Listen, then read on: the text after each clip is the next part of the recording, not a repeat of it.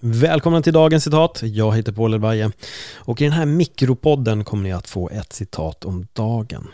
Den här veckan lägger vi fokus på stoikerna och ingen mindre än just Marcus Aurelius. Ja, jag är väldigt nyfiken på hur det här citatet kommer att landa hos er. Så eh, vi sätter igång. Det är dags att du inser att du har något mer kraftfullt och mirakulöst i dig än de saker som påverkar dig och får dig att dansa som en docka. Vad tänker du när du hör de här orden? Det är dags att du inser att du har något mer kraftfullt och mirakulöst i dig än de saker som påverkar dig och får dig att dansa som en docka. Hur ofta känner du att du blir påverkad av det yttre? Av andra människor? Av andra individer? Folk som kanske har en åsikt och tanke om vad du borde göra.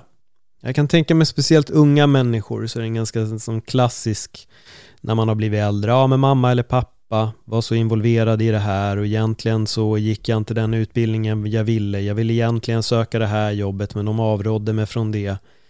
Och då är det ju helt plötsligt den här dockan som dansar åt deras pipa om man säger så, vad de tycker och tänker är bra. Och det behöver inte bara vara där. Det kan även vara så att du är anställd på ett yrke och du har en chef som har en viss inverkan på dig så att du känner att du är en marionett under den. Du kan vara i en relation där saker och ting också påverkar dig så att du blir den som dansar som en docka.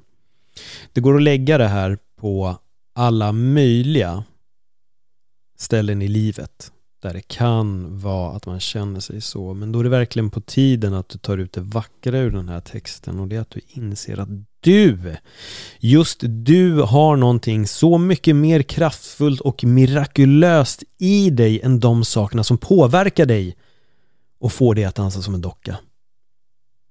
Vi kan alla ta oss därifrån om vi vill. Ibland behöver vi kanske sträcka ut en hand till någon och be om hjälp för att kunna ta oss därifrån. Ibland kanske bara är så att vi behöver sätta oss ner och verkligen tänka och inse att okej, okay, det här är varför gör jag det här? Varför gör jag det här? Men det finns grader i anledningen till varför man dansar som en docka. Vilket också gör att det finns olika sätt att hantera det.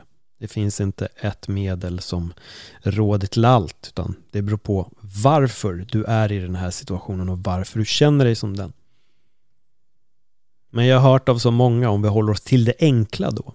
Ah, men mina föräldrar tyckte inte att jag skulle gå den här gymnasielinjen så att jag gick den här istället. Du behöver inte göra det om du inte vill. Man har alltid de besluten att ta själv. Sen finns det andra mer komplexa delar i livet där man kommer att behöva hjälp på ett helt annat sätt. Men allas uppfattningar av vad som är den kampen om att dansa som en docka kommer såklart att påverka oss på många sätt. Men då vill jag att du påminner dig själv. Just du har något mer kraftfullt och mirakulöst i dig.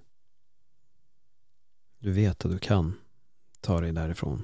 Du vet att du kan slita dig loss från det. Du vet att du kan börja ta dina egna beslut. Du vet att du kan göra exakt det som du vill. För att det är bättre att vara sin egen docka och kunna dansa av glädje och lycka. För att det är det man vill. Jag är nyfiken på vad du tycker och tänker om just den här frasen. Skriv gärna till mig om du kommer till någon form av insikt eller om du har någon form av tanke.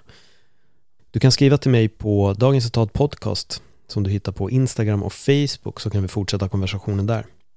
Kom ihåg att dela det här citatet, eller det här avsnittet rättare sagt, med en vän om du uppskattar det som du hör det här. Tack för att du lyssnade.